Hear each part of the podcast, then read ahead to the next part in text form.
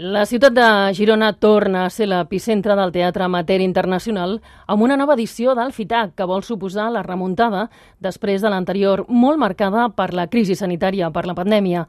La comèdia de Les Lalis, un projecte catalano-extremeny, inaugura aquest vespre una edició que també recupera presència internacional de països com Israel, Geòrgia o l'Argentina. Des de Girona ens en parla la Maria Rovira. Hey, benvinguts, hey, un any més Agafa aquest pols, mai trobaràs un festival com el FITAC.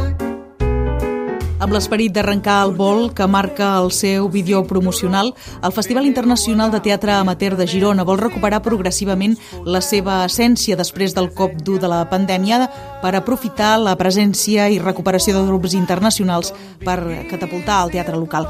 Ens ho explicava Martí Pere Ferrer, director del FITAC. Passarà temps, jo crec, que, tots els festivals ens recuperem d'aquest cop fort, però estem en un intermig entre el que va ser l'any passat, que hem anat a millor, però encara no tenim la, la velocitat de creuer que havíem tingut al FITAC amb grans companyies de l'estranger i amb molts més espectacles. Pensem que és un, un festival de transició cap al tornari, però en aquesta idea d'aixecar el vol amb aquest capità d'avió que ens, ens mana una mica boig a dir aquesta cançó que hem creat per al festival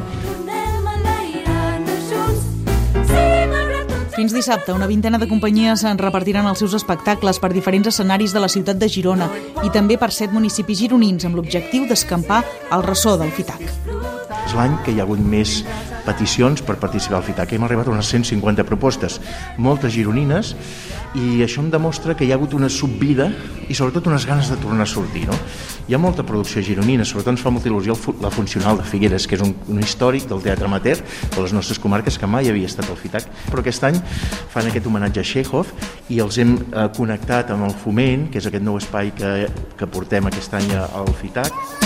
El FITAC s'inaugura aquest vespre amb la comèdia de les Lalis, una esbojarrada obra amb la Barcelona Punk dels 80 de taló de fons.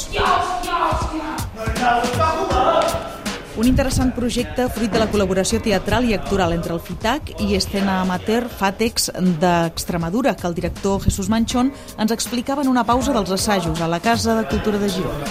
La comedia de las Lalis es una versión de Los gemelos de Plauto, es una comedia muy divertida, un espectáculo ambientado en la Barcelona de los años 80 con unos personajes muy surrealistas, conviven en escena un coro de punks, con personajes de la burguesía catalana y es todo de lo más variopinto y muy, muy, muy loco, con números musicales i coreografia muy divertida.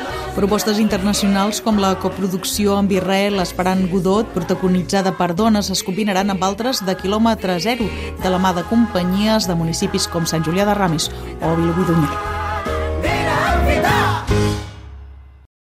Catalunya Informació. Tot el dia, cada dia.